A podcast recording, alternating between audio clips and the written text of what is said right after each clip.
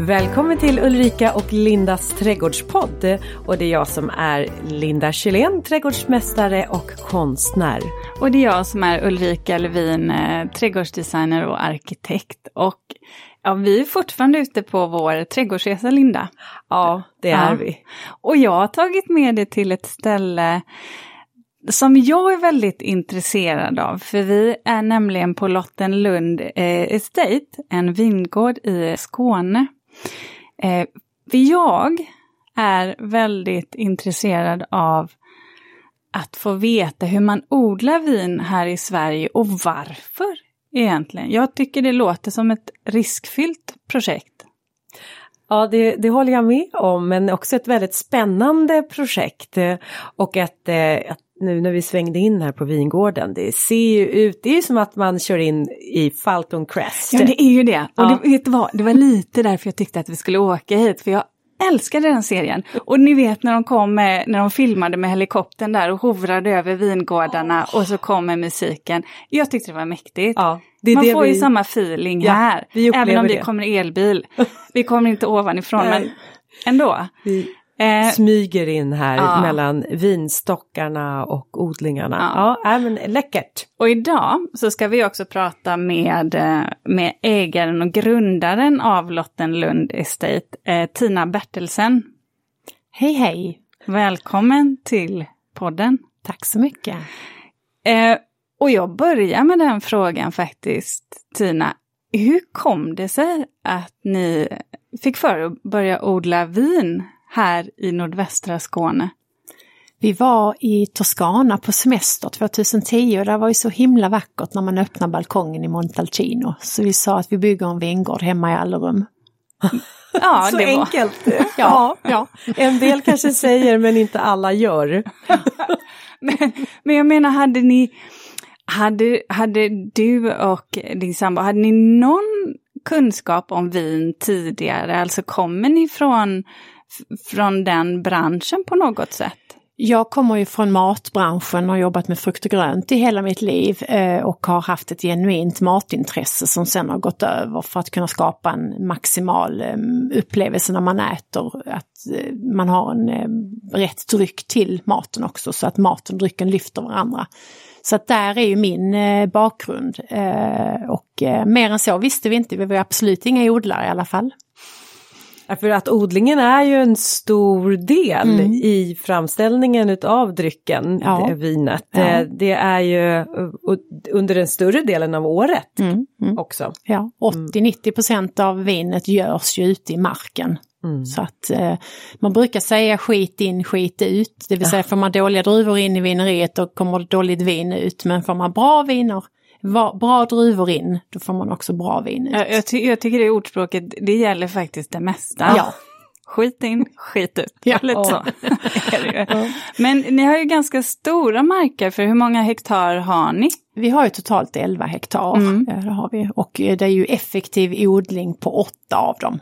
Mm. mm. Och ganska tung lerjord sa du? Ja vi har ju en kalkrik lerjord, alltså märgel kallas den ju. Eh, jag vet inte om ni såg märgelgraven när vi var ute och gick innan i vinfältet men märgelgravar gör man ju så på, fram till 1800-talet, slutet på 1800-talet då grävde man ur märgellera, alltså kalkrika leror, lerjord och så flyttade man den till lantbruk som hade för lite kalk så det var en form av gödning kan man säga.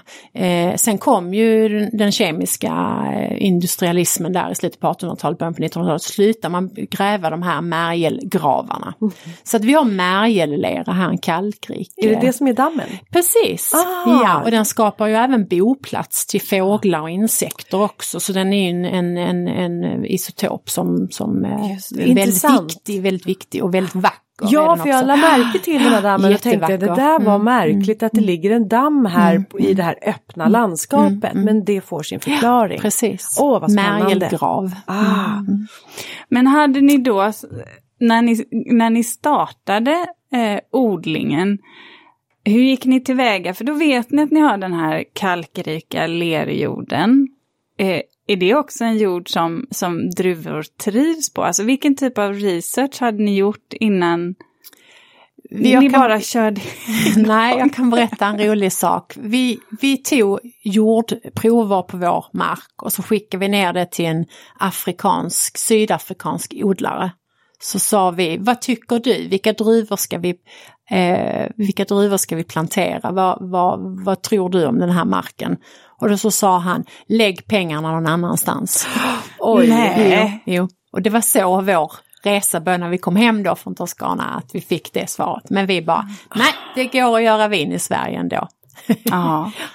Och då, då gick du vidare för då, då um, utbildade du dig sen, eller hur? Nej, alltså vi egentligen googlade jag ju svenskt vin. när- när- är när jag- bra. Ja, Eh, och och eh, kom ju fram till Vinuniversitetet Freiburg och då hittade vi de här druvsorterna. Eh, Så att jag var ju nere i Freiburg 2012 på en studieresa med Sven, föreningen Svenskt Vin där vi fick lära oss hur, hur man planterar och vilka druvsorter man kan sätta. Och vilka druvsorter blev det som ni valde, alltså som ni det är kände ju, att det är ju det här... svampresistenta druvsorter som Freiburg Vinuniversitet forskar fram. Eh, För där finns ett, ett, eh, en efterfrågan eh, på svampresistenta druvsorter. Mjöldaggsresistenta. Precis, exakt. Och då, eh, eh så de, det är ju, jag kan ju rabbla upp sorterna, eh, det är ju Solaris och Muscaris, eh, det är gröna druvor och så har vi Sauvignon Gris, också en grön druva. Vi har Donau Riesling, grön druva. Och sen har vi då Cabernet Cortis och Monark. Fyra olika sorters. Sex, sex, Sex. ja, fyra gröna och två blå. Ja. Och det där blev jag ju lite förvånad över när vi var där ute i odlingen, när du sa att ni odlade blå druvor. Ja. För det trodde inte jag. Då blev jag ännu mer så här som en fågelholk. Va?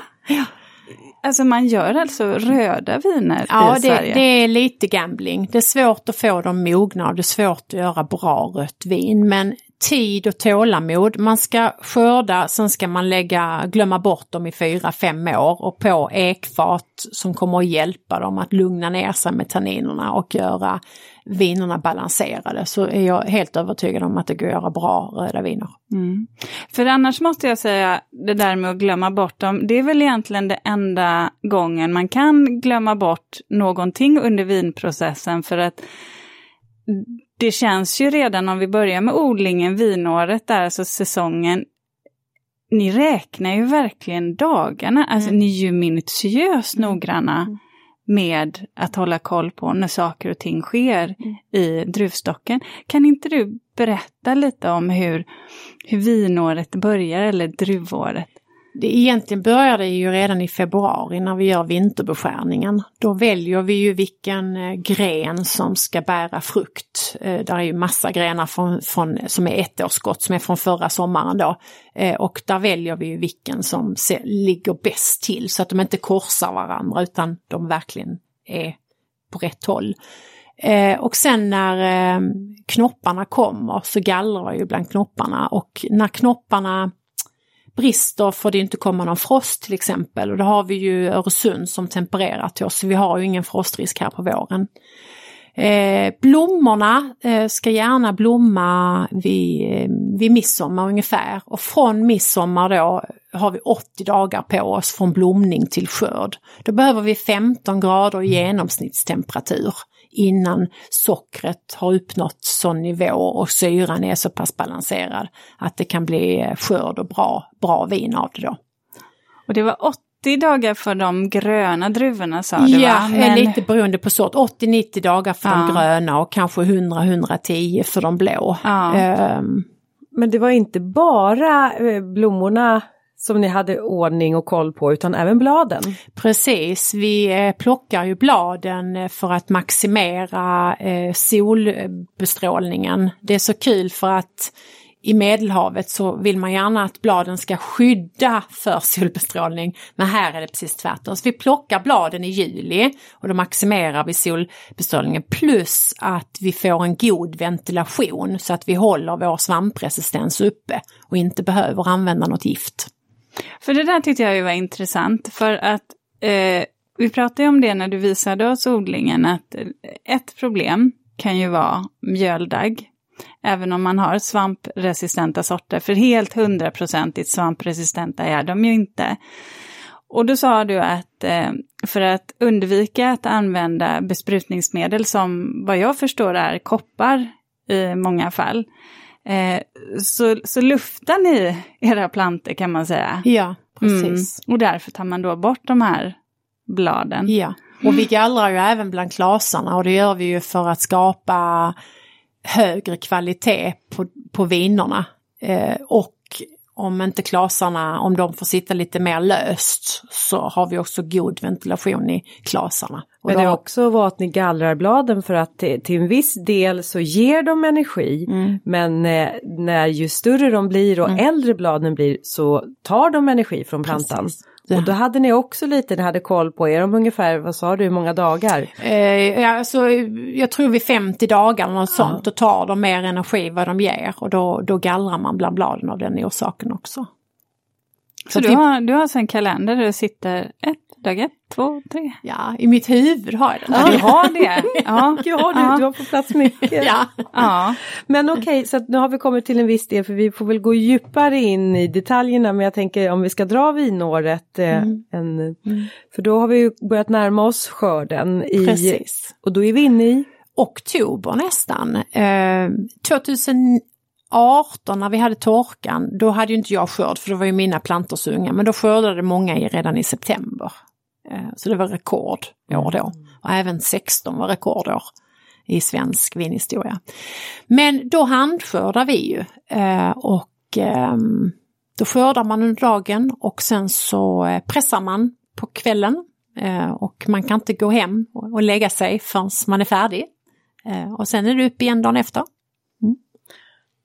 Och, och sen så ska det här då tappas och det ska la, jäsas och det ska lagras in och det här tar ju också sin tid innan det faktiskt finns möjlighet för oss att eh, få ut drycken. Ja, precis. Ja. Mm. Mm. Så att du, du har även om eh, det är inte bara säsongsbetonat utan du jobbar med vinåret under hela året.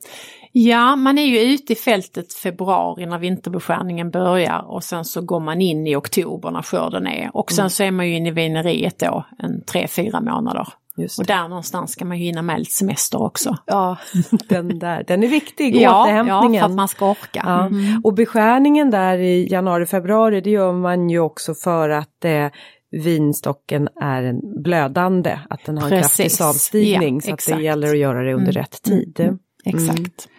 Ja, för de växte ju, det var ju en jädra växtkraft på dem. Ja, Eller hur? ja. Vad, vad sa du? Var det tio? Varje skott växer ju under optimala förhållanden, 20 grader och vindstilla växer ju upp till 10 cm per dygn. Så att om en stock har sex skott eh, på fruktarmen så är det ju 60 cm bladmassa per dygn som den producerar. Så den är ju väldigt tacksam så sett. Den har en väldigt enorm växtkraft. Täckande insynsskydd tänker jag. Ja, Ja, just. Om man ja. bor som man faktiskt kan ha det, vilket det är få ställen i Sverige i och för sig kanske.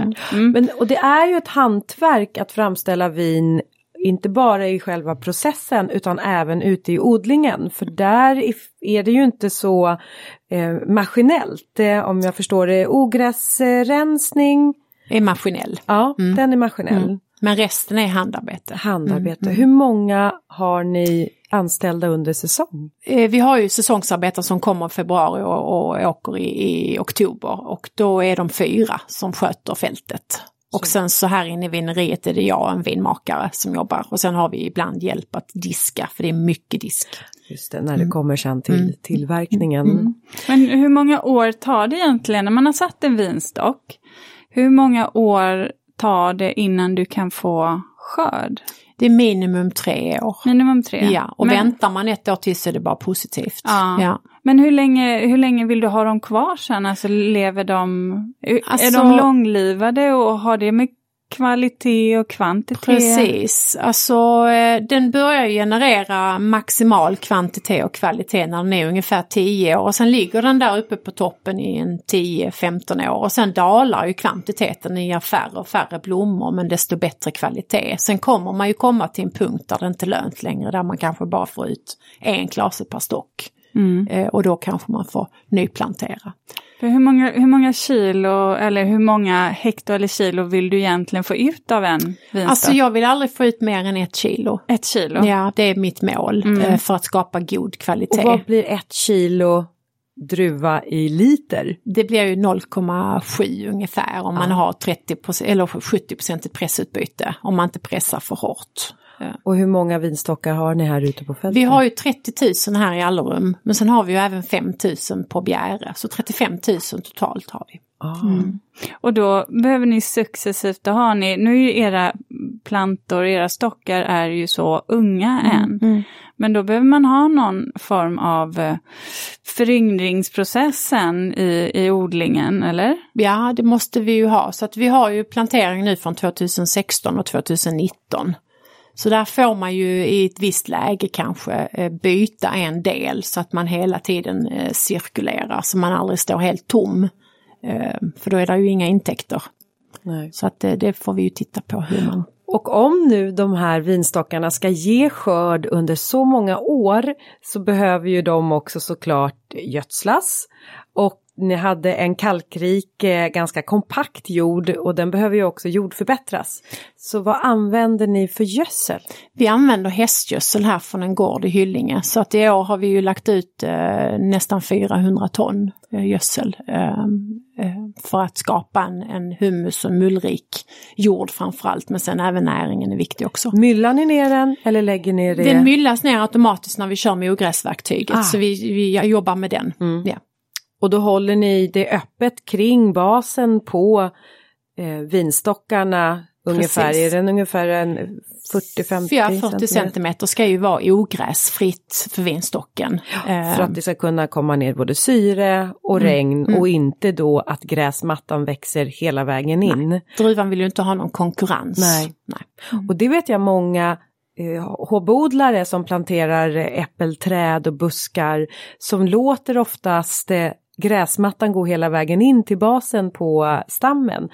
Och så är man förtvivlad över att eh, det blir ingen växtkraft, det Nej. händer ingenting. nej. Det är så, Mm. jag ska, eh, enkelt ja, men det handlar om att ta bort gräsvålen för att Ja. den tar så mycket energi. Precis. Annars så kan jag tycka att det är intressant med de här måtten därför att de här plantorna vi tittar på här ute det var ju väldigt precisa, det här tycker du lika om, väldigt raka rader. Jag går mera på känsla Ulrika hon går på mått. Men i sådana här fall så är ju det, och det är väl det som har varit min poäng hela tiden, Jaha. ibland är ju mått väldigt viktiga. Och i ert fall så är det ju för att när ni kör med maskiner Ja, mellan vinraderna. precis. Vi använder ju inga gifter för att eh, hålla ogräset borta. Eh, så att, och det har ju kanske också, är man biodlare så vill man ju absolut inte använda det. Eh, och, ehm, och sen så rensar vi då med, med ett verktyg, det är som en tallrik. Eh, och Mm. då gäller det att det är rakt och står exakt så att inte den tallriken tar Ta vinplantorna. vinplantor, för det var bara en meter mellan. En meter mellan plantorna och så har vi 2,2 mellan raderna. Och det är ju Ja. uträknat, ehm, vi pratar om solbestrålning och skugga och så vidare. Och så är ju raderna 1,70 höga. Och det är för att de inte ska skugga varandra så att vi får maximalt med Ja. solbestrålning. Och sen så började första egentligen, vad ska man säga, linan. På 70 centimeter. På 70, ja. ja. och det handlar om, för det är där vi lägger fruktarmen och då är ju knopparna tillräckligt nära jorden på sommaren för att få jordvärme och tillräckligt högt upp för att inte utsättas för frostrisk på våren. Mm. För vi hade ju den där, vi lärde oss ett nytt ord, enkelgioa. Eller ja, hur? just det. Det är själva uppbindningen va? Ja, man kan ha enkel eller dubbel GA. Mm. Ska du, kan du för lyssnarna beskriva egentligen, hur ser de ut? Ja, men om man säger så här också att här i Sverige, vi är ett nytt vinland, vi har inga appellationsregler. Många ställen, till exempel i Frankrike, där får de bara ha en viss uppbindning. Men vi får ju Aha, egentligen okej. göra som vi vill. Ja. Det här är tyskarna som har rekommenderat oss för att få en hyfsat tidig knoppning utan att utsättas för frostrisk så är enkel GO det de förespråkar. Så man kan ha enkel GO eller dubbel GO. Och det handlar då om att vi eh, på ettårsskotten böjer vi ner och där skapar den eh, årsskott som, som ger frukt.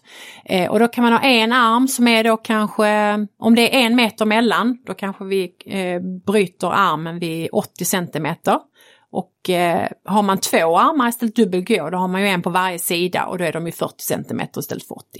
Så det är lite smaksak. Men det är skönt att inte ha några appellationsregler. Ja. Hur många årsskott släpper ni upp? Eh, nu gallrar jag ju så att jag bara har två. För den ena ska ju bli arm nästa år, eh, alltså ettårsskotten. Ja. Eller du pratar, ja. Ja, nej, nu pratar jag Ja. årsskotten som Alltså de bildas. som, ska, som Ja. kommer i år. Där, eh, mellan fyra och sex. Okej. Beror på, är det en stor kraftig stam då kan den bära sex skott. Är det en lite tunnare stam, en lite svagare planta, då kanske den bara ska bära fyra. Men det här måste ju vara ett rensningsarbete för att jag själv har en vinstock hemma och den är duktig på att svara med nya skott när jag gallrar ett. Ja, precis. Ta, tar man de här sidoskotten så tar det bara två, tre dagar, sen bildar den ju nya skott någon annanstans. Att, Har ni en jättekompost här någonstans? ja, vi lägger faktiskt tillbaka dem i raden. Ni gör det? Ja, det man brukar säga att det som en vingård eh, producerar ska aldrig lämna. Så att allt klipp och allt rens, alla druvrester, grön skörd lägger vi i vinraderna eh, som går tillbaka till jorden. Ja, det här är så bra. Det här tycker jag man ska ha med sig även om man inte är vingård utan man har en trädgård. Kretslopp. Allt kretslopp, att det ska stanna kvar. Man måste ha det med sig, att man kan ta hand om sitt eget och trädgårdsavfall. Gärna. Men, ja, men även på hösten, för då har ni en hel del bladmassa. Jättemycket bladmassa som läggs ner. Mm. Däremot så när vi klipper på vintern, de, de bär vi bort. Och där har jag ju egentligen en dröm att kunna flisa dem, men vi kan inte flisa dem i fältet. Vissa vingårdar har ju eh, inte gräs mellan raderna. Och då kan du lägga klippet i mitten av raden, sen kan du flisa med en maskin, du bara kör. Eh, Men nu lyfter vi av eh, eh, de vinterbeskärningen och den skulle jag vilja köra ner till små, små partiklar och lägga tillbaka i raderna. Rom byggdes inte på Nej. ett dygn Nej, som man säger. precis. Och ni är hyfsat nystartade så jag Ja. förstår och det är fantastiskt att höra att du har visioner och idéer Ja. och framåt och utvecklar för det är väl det också som krävs som entreprenör. Ja. Att man har dem. Men sen, sen så hade vi ju det här, vi ställde ju faktiskt frågan om skadedjur och där berättade ju du att ni har ju valt en vinstock, en amerikansk vinstock, eller hur? Ja, eller de var inympat all. All, alla vinstockar i princip som planteras idag är ju ympade på amerikanska rotstockar och den är ju resistent mot, eh, alltså vinlysen går ju inte på de amerikanska rotstockarna. Så att, eh, och vinlysen finns ju överallt, den har man ju till och med hittat i Sverige. Så att eh, den, den är även här. Och getingar kunde också vara ett av Ja, det är väl det största hotet om man ser på, på insekter och så. Så getingar sticker ju hål på druvorna när de börjar mogna för att se om de är goda. Och så gör de det på alla druvor och då startar ju förmultningsprocessen. Så då ruttnar druvan. Mm. För där sa du, jag tyckte det var så härligt när du sa det, för vi frågade om fåglar. Och då sa du någonting som jag inte hade någon aning om, att de gröna druvorna ser inte fåglarna, Nej. så de låter dem bli. Ja. Men eh, druvan, de röda druvorna, de, eh, vad ska man säga, kommunicerar att mm, nu är jag mogen för att nu vill jag att mina fröer eller kärnor ska spridas. Precis. Och då, då är fåglarna på. Mm. De sitter ju på, på eh, staketet och väntar. De sitter där på en rad Ja. på hösten och väntar på, på druvmognaden. Ja. Så att, eh, och då ser man, då vet man, då behöver man inte prova själv om de är mogna eller inte för då har man ju fåglarna. Så då, då är det, nu ska vi ut. Precis, precis. Ja, fattar. Mm. Ja. Och det var inte riktigt så här, det, det var en sån där sak som man inte riktigt har hittat en eh, hundraprocentig lösning på än, hur man kan hantera det utan att det blev massa med konsekvenser. Precis. Vi har ju 5300 blå eh, som är planterade 2016 och som ger skörd nu och eh, jag har inte hittat någon bra lösning än. Än så länge har vi använt sådana här låtsas rovfåglar men de kommer ju till slut att lära sig att det bara är på låtsas. Eh, sen kan man använda laser, dieselkanon, fågelnät och jag har inte riktigt kommit fram till en bra lösning än och än så länge så låter jag faktiskt en del bli fågelmat. Men känner du att det har varit ett problem? Inte än, än så länge har de här låtsasrovfåglarna kunnat ta det. Men jag fattar ju att ju mer druvor jag kommer producera desto mer intressant kommer det ju bli. Eh, men jag tänker också på att det här kan vi pratat om skadedjur, nyttodjur, nu har du bisamhällen. Men eh, då sa du att eh, bina är inte till för eh, vinstockarna utan de hjälper till för pollinering av äppelträden, för ni gör must också. Precis, mm. must och calvados eller äppel, äppelbrandy som det heter. Ja. Ja, ja. Ehm, Och då undrar jag ju då, jag vet väl svaret, Ja, men förklara ja. Nej, om... men vindruvor är ju tvåkönade så de sköter ju pollineringen själva. Ja, Eh, Så att de, de har löst det. de har bra. Ja. Men däremot så är ju våra, bi, våra bin är väldigt bra för vår äppelodling. Ja, och för även eh, överhuvudtaget att man har precis, bisamhällen. Precis. Mm. Mm. Men sen då, om vi kommer till Jag kemin. måste, nej, jag måste Ja. ställa en, en till fråga. Och det handlar om bevattning. Ja, Ja, behövs inte. Det behövs inte Nej, heller. nej. Jag förstår att ni har valt att odla. Ju, ju eh, längre ifrån de har till vattnet desto mer jobbar de. de slu, rötterna slutar att leta när de kommer till vatten. Så att det är bara positivt. Så någon Ah. bevattningsanläggning behöver Nej. ni inte ha? Nej. Nej.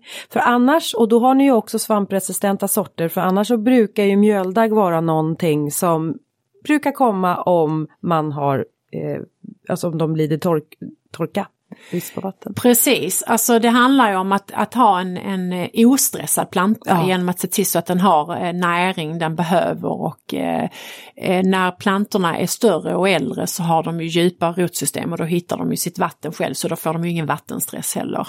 Eh, och sen så handlar det om kanske ha då torrt väder som, som svampen gillar ju fuktighet. Så ju torrare desto bättre nästan kan man säga. Och det var det du sa också, jag kommer inte ihåg, du uttryckte det på ett sånt bra sätt att det här med att eh, det gäller att hela tiden vara ute och, och, och titta, se till sina plantor så att Ja. de håller sig i balans just och inte näringsbrist, att man är snabb och sätter till en åtgärd.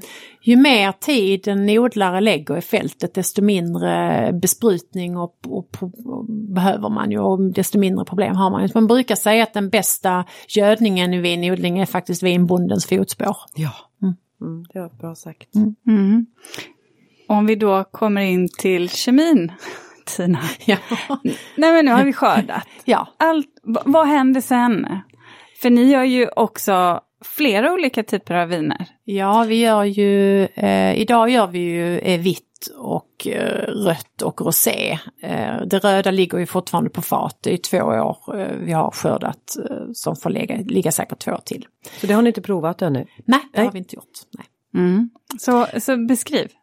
Vi, eh, ja men vi avstjälkar och pressar och sen sedimenterar vi det eh, i en tank så att fruktköttet och musten separerar sig. Och Plockningen, det gör ni ju också för hand Precis, ute på det gör fältet. vi. Ja. Och här var det också noga med att tala om hur, att ni ser druvorna som livsmedel. Ja, från, redan ute. precis. Från det att vi har klippt av dem från ankan så är det ett livsmedel för oss. Så att vi jobbar ju då med livsmedelsgodkända handskar eh, och sen så jobbar vi ju eh, med att helt utesluta jordkontaminering. Eh, Och sen så har vi då en eh, process, ett arbetssätt här inne i vineriet som gör att vi inte behöver eh, pumpa druvskal utan vi pumpar först när det blivit en must. Och det gör vi för att undvika bitterhet i vinerna. Och det kräver lite mer tid, lite mer mantimmar, men det är så värt det tycker jag för den slutgiltiga produkten. Och bitterheten kommer genom kärnorna som Precis. ligger och När de slår eh, sönder i pumpen. Mm. Eh, men sen så jobbar vi med neutral jäst som inte ger några eh, smak utan låter druvan prata och platsen. Så här smakar Solaris till exempel som är odlad på vår kalkrika märgelera. Eh, och eh, vi jobbar med så få interventioner som möjligt så att eh, vi vill inte påverka för mycket utan vår filosofi är att eh, vinet görs ute i vinmarken och sen kan vi göra bara små, små eh, hjälpmedel för att det ska bli så bra som möjligt. Eh, till exempel genom att jobba extremt rent i vineriet så man inte får några defekta aromer eh, och se till så att faten alltid är toppade så det inte blir någon reduktiv arom av det och så vidare. Så att ehm, ehm, Och det där handlade ju också om, vad jag förstod, om hur man pressade. Om man pressade druvorna för hårt, då blev de beska sa du. Ja, då, om du pressar för hårt då får du ju ut bittra ämnen från, eh, från kärnorna och då, eh, det vill man ju inte ha i de vita vinerna. Nej. Förutom när man gjorde grappa sa du. Precis, vi gör ju av pressresterna gör vi ju en grappa, då jäser vi ju skalen och sen så pressar vi ju det jättehårt för det är ju 30% saft kvar i de gröna skalen. För vi tar ju 70% ungefär för att göra vitt vin och då tar vi och jäser de 30% som är över och sen pressar vi det hårt och då får vi ut lite bitterhet som bara är positivt för en druvdestillat. Man får inte säga grappa heller, det är skyddat. Jaha, ja. ursäkta. ja. eh, vi, har, vi pratar inte så mycket om Nej. det innan men eh, man får inte säga calvados och man får inte säga grappa. Nej, Okej, okay. så vad hette det då? Druvdestillat? Druvdestillat, ja. precis. Grapemark ja. kallas det också. Ja. Druvsprit enligt eh, Systembolagets varukategori. Ja men vad bra, då har vi kategoriserat det också. Precis. Korrekt, härligt. För sen så, det som jag tyckte var lite, lite intressant för att det är ju mycket kemi, det, det gäller ju att man är ofantligt noggrann där inne. Du får inte göra ett misstag, du får inte ha missat att desinficera en slang eller göra rent. Mm. För då går det åt pipsvängen. Ja. Så, så, att du sa det att, att, man är ganska trött i huvudet när man har varit eh, inne Ja, dels skördar man ju på dagen och sen går man in i vineriet på eftermiddagen och så kan man inte gå ut förrän man är färdig Nej. och man blir ganska trött i huvudet. Så det är lätt hänt att man gör misstag så man måste hela tiden ha eh, en, en checklista på, är, är de slangarna desinficerade, har vi rengjort där, har vi kopplat har vi öppnat kranen? Mm. Alltså sådana små misstag kan man göra för att man är trött, eh, för det är väldigt, väldigt intensivt. Ja, och sen så var det lite olika hur man eh, gjorde vinerna, det vill säga hur, hur, man, hur processen såg ut om man gjorde ett vitt vin kontra ett rött vin och rosé. Mm, kan, inte, kan inte du bara Jo, när man, när man gör vitt och rosé då eh, eh, pressar man ju eh, druvorna och sen jäser. Medan när man gör rött vin då avskälkar man ju och krossar och sen jäser man ju skalen. Man jäser på skalen för att göra rött vin och sen när det har jäst i kanske två veckor då eh, pressar man det.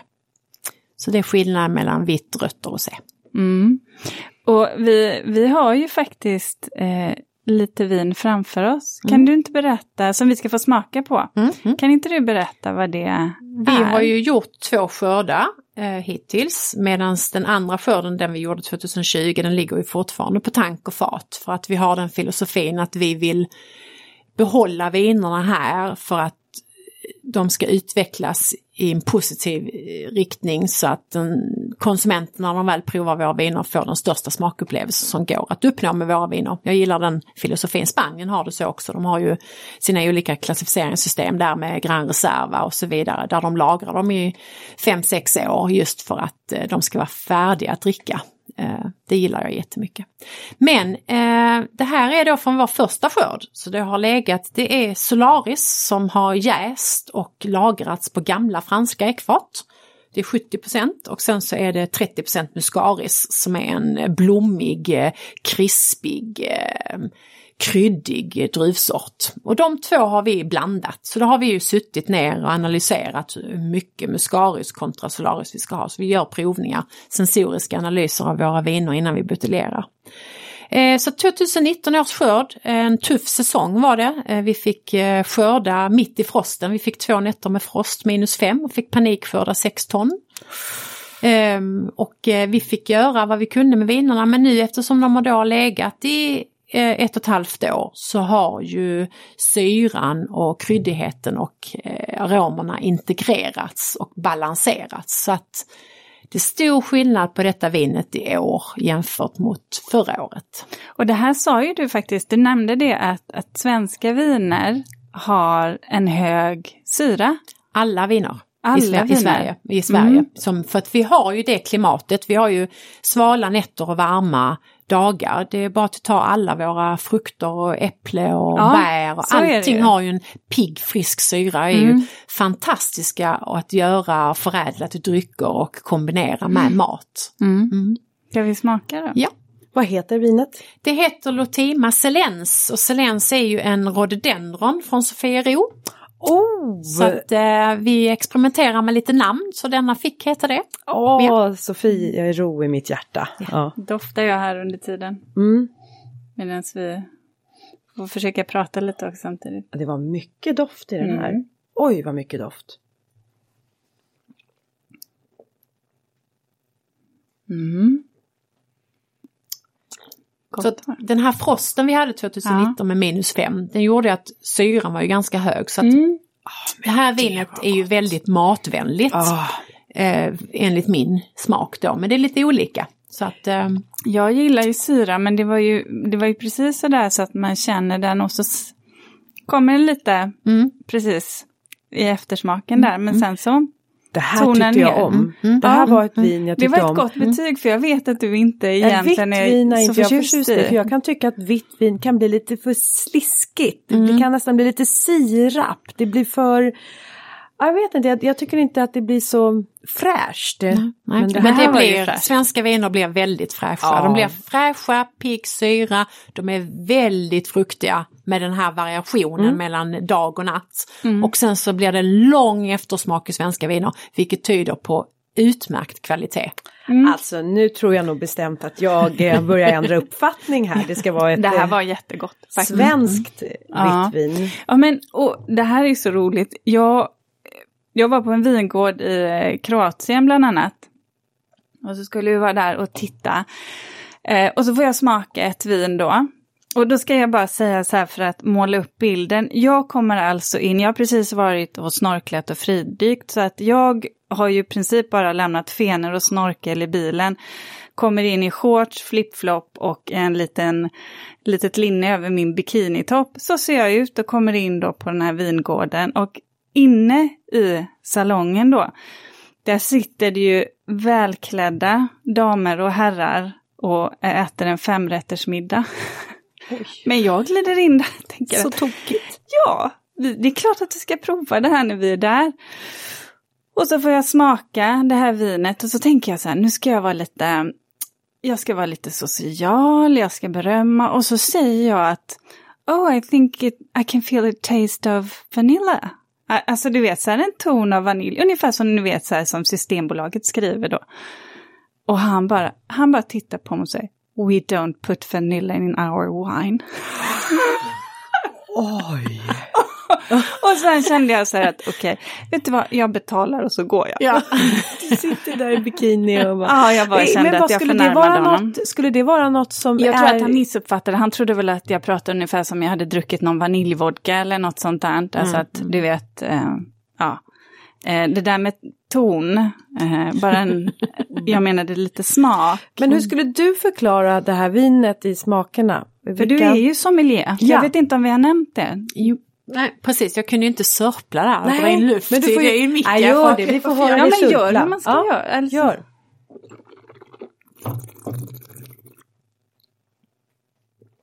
Man vill ju syresätta vinet i, Jaha. i munnen. Kräver lite träning. Mm. Så det inte börjar rinna längs hakan. Det var lite så här haklappsvarning för mig kände jag. Mm. Mm. Men gud vad det blev. Åh, Det tog plats. Mm. Ja. det kommer Men här har vi ett, ett vitt, eh, ganska fylligt vin med eh, aromer av krusbär, fläder, smör, lite hasselnötter, citrus, lite, nästan lite grillad citron skulle jag säga. Det är ju ingen sån här pigg, eh, ungdomlig citron som nästan är grön i skalet utan den är mer lite grillad, lite mer sötsur. Eh. Eh, ganska mycket kryddor kommer ju både från fatet och från eh, muscarisen. Och framförallt ger ju muscarisen den blommiga tonen och kryddorna. Medan de andra aromerna kommer ju nästan från solarisen. Och sen har vi den här långa eftersmaken som tyder på god kvalitet och eh, väldigt, väldigt mycket frukt. Men jag, Alltså smaken sitter ju kvar i flera minuter. Mm. Nu sitter det i kinderna på mig här. Men nu, nu måste jag ställa en fråga som min, min man ofta kommer tillbaka till. Hur bestämmer man de här smakerna? När du säger krusbär och fläder, och jag skulle också ha sagt fläder. Inte vanilj. Eh, nej, Nej. Det är för att den det går ju- jag aldrig på igen. Vanilj kommer ju gärna från amerikanska ekfat. Ja, Ja, och vi har ju använder ju franska. ja. Så därför blev Ah. vaniljtonen lite Ah. nedtonad. Kan ni känna en viss eh, tobakssmak i det eftersmaken? gjorde jag inte. Nej, nej. Mm. Tobak. Ja, eh, Från Peter känner det. Peter, vår ljudtekniker, gjorde det. Eh, Jag, jag vet knappt hur tobak skulle... Jag känner, vet hur det luktar men jag har aldrig rökt. Ja. Förlåt, nu satt jag. jag tänkte, Du skulle sommelier Mm. smaka vinet. åh, det gick så. Ulrika är van att dricka, inte och supa. Nej, precis. Jag bara öppnar munnen, drick och svälj. Oj vad dumt. Men jag måste ställa en fråga också för min man han är ju då eh, ölbryggare. Och han pratar mycket om alkoholhalten, att mm. alkoholhalten också påverkar smaken. Det gör det ju, det påverkar ju både smaken och eh, munkänslan. Mm.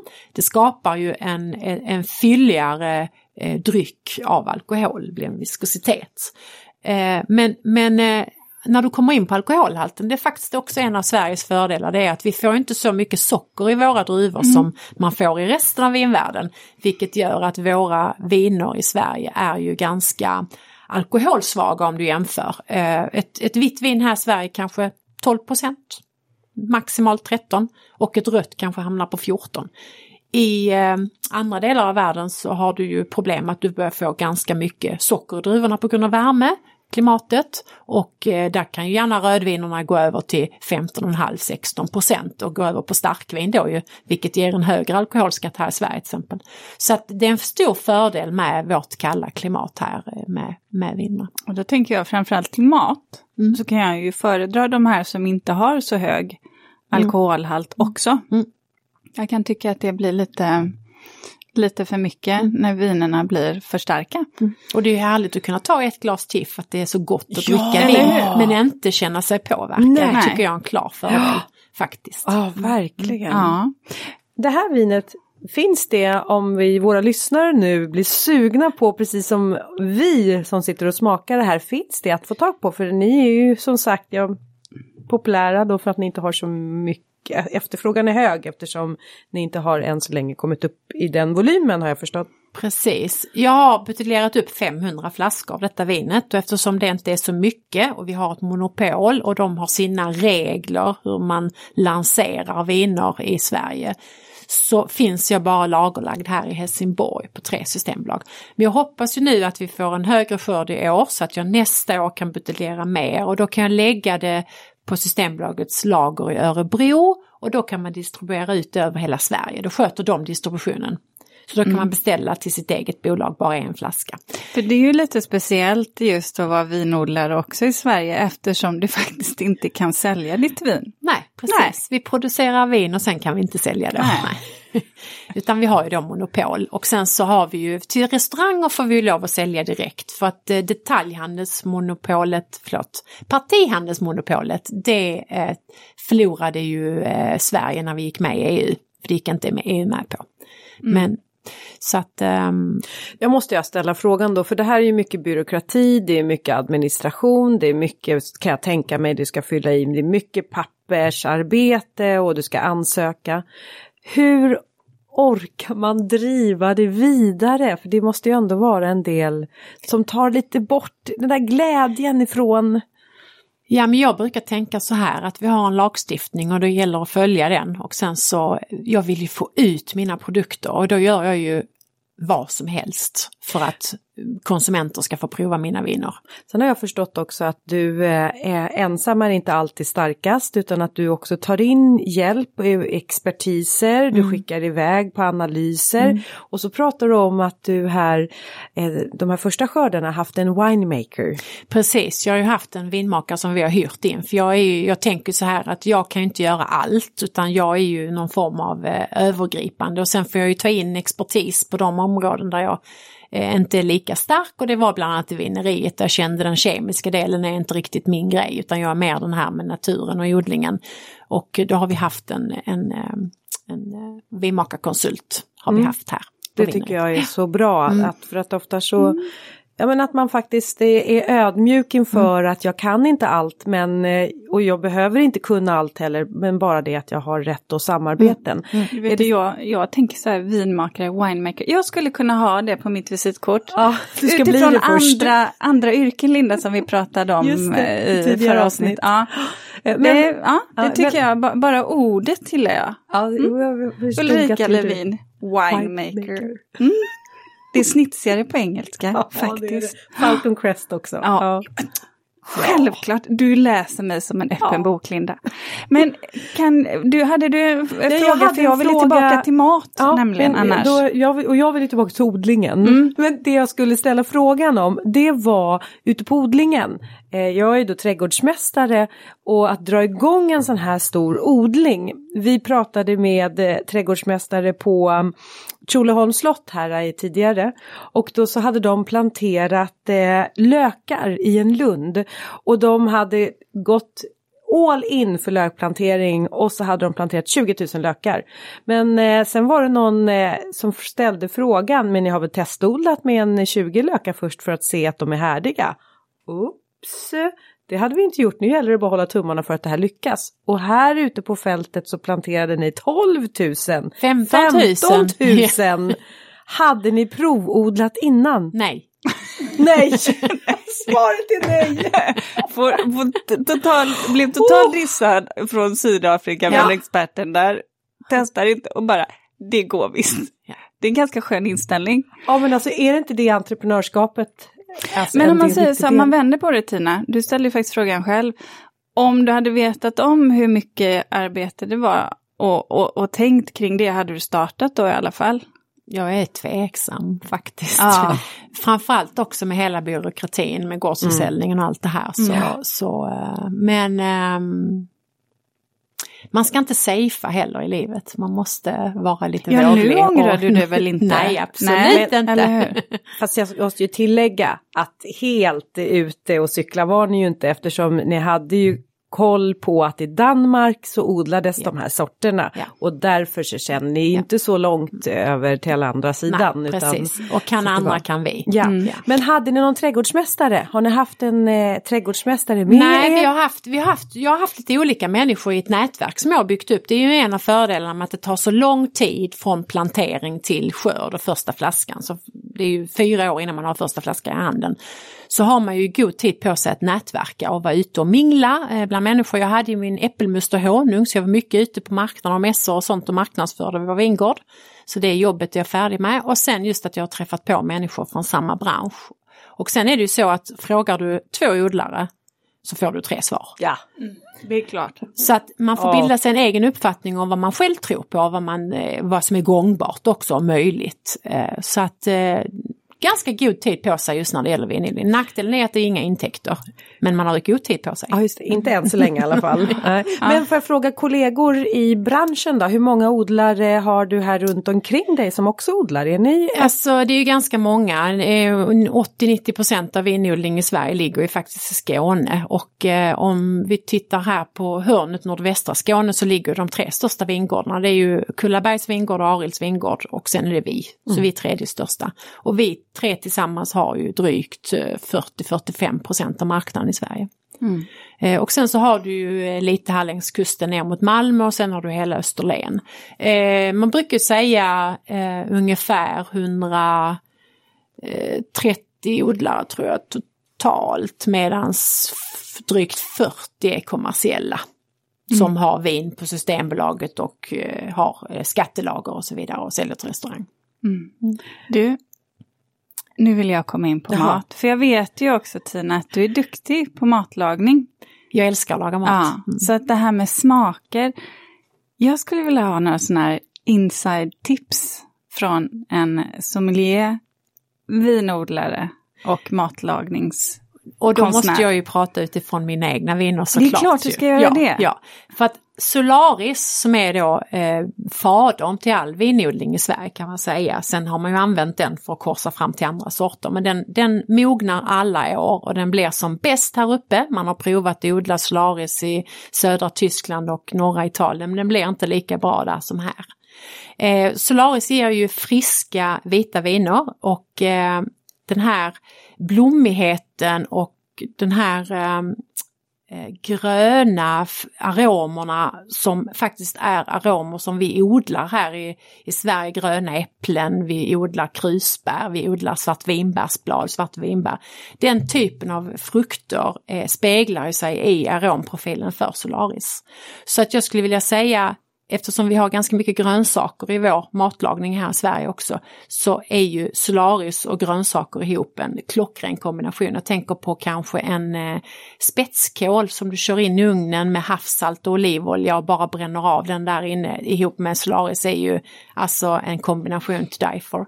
Ska du bryta syran där då eh, och kanske det till och med är en ekfatslagrad Solaris så du får lite hasselnötter och lite smöraktiga toner också, då häller du på lite brynt smör när du serverar spetskålen. Kanske strösslar över lite rostade hasselnötter så är liksom måltiden är färdig. Det behövs bara Solaris och den här kålen, sen behöver du inte så mycket mer. Ja, jag är med. Jag, är Jag tror jag försvann bort in i... Ja, jag, bör, i, i jag börjar känna så du vet när man är hungrig att det börjar vattnas lite i munnen. Så, mm. så du skulle säga att det här passar utmärkt till vegetariska? Absolut, det är klockrent till vegetariskt. Det här måste ju vara, Ja. mitt, det får bli mitt husvin tror jag. Nej men för det, du, det var väl också så att kockar är väldigt förtjusta just i de här svenska vinerna på grund av att den har en så hög syra och Ja. fräschhet. Ja, säger man till en kock att jag har ett vitt vin här som du ska göra mat till och det har Mm. en hög frisk syra, då går de ju halleluja moment och sen så bara börjar de ju liksom laga mat efter det. Så Mm. att eh, det är väldigt tacksamt, väldigt tacksamt. Är det någonting mer sådär som du skulle säga, mm, testa det där? Ja men alltså framförallt är det den här, att matcha den här syran, att hitta ingredienser. Jag till exempel brukar göra en pizza ladière, en sån här eh, smördegspizza från, eh, från eh, Provence. Eh, smördegen är ju fet. Ja. Och sen på den lägger du då eh, lite sardeller och det är sältan. Ja. Och sen så har du ju lite riven parmesan uppe på det och så sälta lite krämighet. Och om du vill kan du ha lite karamelliserad lök och så swish in i ugnen med den. Alltså en svensk rosé ihop med den, det är ju som klippt och skuret just med fettman, sältan och så syran i rosén. Ja. Eh, och väldigt så här eh, Provence, Nice, Medelhavet, Côte d'Azur. Fast i Allerum. Ja, och men så sitter, man, så sitter man och kollar över vingården. Ja, Ja. det känns ganska bra. Ja. Vad, ert rosévin då, vad, vad heter det? Det heter Rosalind. Rose. Och här, här måste jag fråga, för att det här med rosé, när det exploderade intresset för rosé för några år sedan, då var jag gravid och sedan så ammade jag. Så att jag missade egentligen liksom hela den här roséboomen som kom då. Och sen så kom jag aldrig riktigt på det tåget. Eh, jag har, inte riktigt fattat grejen med rosé. så Tina, vad är grejen med rosé? Ja men alltså jag tänker att det är ett sånt här um, lunchvin tänker jag. Alltså det, jag tycker det är godast på sommaren. Det är många som säger att ah, rosé kan man dricka året om. Men Det jag tycker- vet jag inte. Nej, nej. Nej. Jag tycker det passar bäst på sommaren. Jag dricker mycket vitt och rosé på sommaren och sen dricker jag rött vin på vintern. För den typen av matlagning och det man äter är också lite Exakt. Mm. anpassat. En härlig fräsch sallad, kanske en caesarsallad med lite pancetta och så en, en rosé till det. Och det är varmt och fräscht. Alltså det, Mm. är, det är klockrent ihop. Så att eh, det är väl så jag ser på rosé. Men det är ju en, det är ju en trend men som jag tror har kommit för att stanna för alltid. Så jag tror inte det är någonting som kommer gå ur. Så du menar att jag har lite tid på mig och ändå, jag kan du. smyga, Ja, det har du. smyga in. Men en annan trend som jag tycker det är att det finns mer och fler och fler alkoholfria alternativ och även då viner. Är det något som du ser i förlängning? Att kunna ta fram ett gott svenskt alkoholfritt vin? Eller Ehm, lågt alkohol? ja, faktiskt inte för vår del, för vi har, vi har inte tillräckligt med viner. Vi kommer inte ha i framtiden heller. Eh, jag, det kommer alltid, efterfrågan kommer alltid ligga steget före. Eh, tillgången. Så tror jag. Det krävs till eh, faktiskt någonting på marknaden för att vi ska få? Precis, för att vi ska få fler att vilja satsa på den här näringen. Och det är till och med så att man har räknat ut att det är mycket högre intäkter för en vinodling än en potatisodling. Till exempel. Så man kommer att se ett skifte om gårdsförsäljningen skulle släppas fri. Men man kan väl göra dryck av potatis också va? kan man. Brännvin? Ja, just det. Det är helt rätt. Det är helt rätt. Gå tillbaka till Ja, det. jag, Ja. jag eh, presenterar mig också som konstnär och må, med måleriet då som den... Eh, och då tittar jag på eran etikett. Och då tänker jag så här, hur gör man en eh, etikett som eh, ska påtala vinets eh, innehåll och beskriva det. Eh, men även erat eh, företag. Hur väljer man vad man ska ha för etikett? För den här ser ganska modern ut. Den ser ut som, eh, och, vad heter han, eh, den här konstnären Miro. Okej, ja. Får jag lite tankar på. ja. Det är faktiskt en konstnär. Ja det är en konstnär. Ja, fast är inte han. Nej det var inte Miro, nej jag tror inte han är vid livet. Vi gillar att använda det hade varit spännande. Det hade varit ett aber att försöka få till det. Vi gillar att använda lokala profiler. Vi försöker alltid utgå, det vi behöver, finns det här? Nej, det kanske inte finns just här, finns det i Skåne och så vidare, Mm. helst bara Sverige. Eh, så att vi använder en, en konstnär som heter Claes Håkansson som bor eh, tre kilometer från oss. Alltså det är underbart. Ja, ja. Eh, och han gör vintavlor. Och han eh, fick 2010 uppdrag av oss att rita vår logga. För han är gammal varumärkesdesigner också. Eh, innan han började jobba med konst på heltid. Så han har ritat vår logga med eh, det här glaset. Och sen 2018, 2019 när vi skulle börja fundera på vad ska våra viner heta? Då kallade vi in Klas och så sa vi du får komma fram till, du får rita lite förslag till oss. Du får helt fritt, får göra precis vad du vill. Och då åkte han hem och då kom han tillbaka. Och då har vi etiketten här, Den, våra viner heter Lotima och det står ju för Lotten Lund, Tina och min sambo Manne. Så nu brukar vi säga, eller jag brukar säga, vi är ju inte gifta, vi är bara förlovade, men nu är du fast. Manne. För nu har vi ett varumärke ihop. Det, Så det- säger en sann entreprenör, precis. man gifter sig inte, man startar ett bolag ihop. Eh, That's och sen så är detta då Klas tolkning när man snurrar glaset för att frigöra Ah, mm. aromerna. Så det här är druvor som han har då eh, skapat. Det ser nästan ut som att det har varit fest så att det ser Ja. ut som att man har spilt lite. Precis. Men han har, eh, alltså han har alla våra uppdrag. Vi låter faktiskt honom ha lite fria händer. Vi har gjort en gin också ju. Där eh, vi sa att vi ska göra en botanical gin-class. Vi har hämtat inspiration i vår köksträdgård, i vår kulinariska odling. Vi kommer att basera vår gin på 20 örter. Gå hem och fundera på hur ginetiketten ska se ut. Och då kommer han tillbaka och den står där på bordet. Han har ett stort fett monsterablad på, för det är hans gröna inspiration. Så han tolkar det vi säger och gör. Det botaniska, Ja. i klorofyll och grönt. Grönt. Men om man nu vill besöka er, har ni visningar? Alltså kan man... eh, Ja, vi har, eh, vi har eh, våra besökspaket ligger på vår hemsida. ja. Eh, Så att vi har vingårdsvandringar och vinprovningar och destillatprovningar. Även nu i covid-tider? Ja, vi har små grupper. Ja. Eh, vi blandar några men de, mest, de flesta är faktiskt privat bokade besök. Alltså Mm. det kommer en familj till exempel. Eh, men vi har även några datum som vi släpper ut där man kan vara två och två eller någonting sånt. Som, Du, alltså stort tack Tina ja, för att vi har fått komma ja, tack och själv. besöka här. Ja. Verkligen, tack. Ja. Linda, eh, är det någonting som du tar med dig? Eller är du full tänkte jag säga. Nej, jag är inte full men jag är full av intryck. ja, detsamma. Ja. Ja. Eh, nej, jag, jag, eh, jag blir så glad när jag hör det här, eh, man värnar om hantverket, man som Tina nu jobbar lokalt, det är väldigt nära odling till eh, slutlig produkt. Eh, och sen alltså det här smaken på det här vinet och den här friskheten, syran. Jag har fått en aha-upplevelse så att nu kanske jag faktiskt kommer börja dricka vin om det är svenskt om det kommer kanske från Lottenlund. Eh, jag, eh, jag, jag känner så här, det var precis så spännande som jag trodde det skulle vara.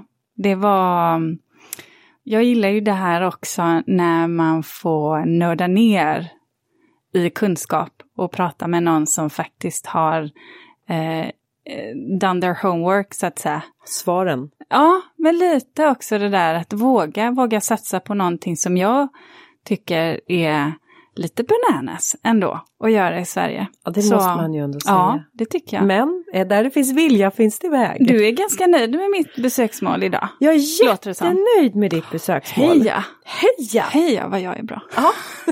På det där i alla Ja, fall. det där, vi Ja. är bra. Men du Linda, vi har ju faktiskt fler stopp som vi ska göra. Mm. Så att eh, jag säger så här. Tack för att ni har lyssnat den här gången. Eh, och så hörs vi igen nästa vecka. Ha det bra! Hej då! Hej då!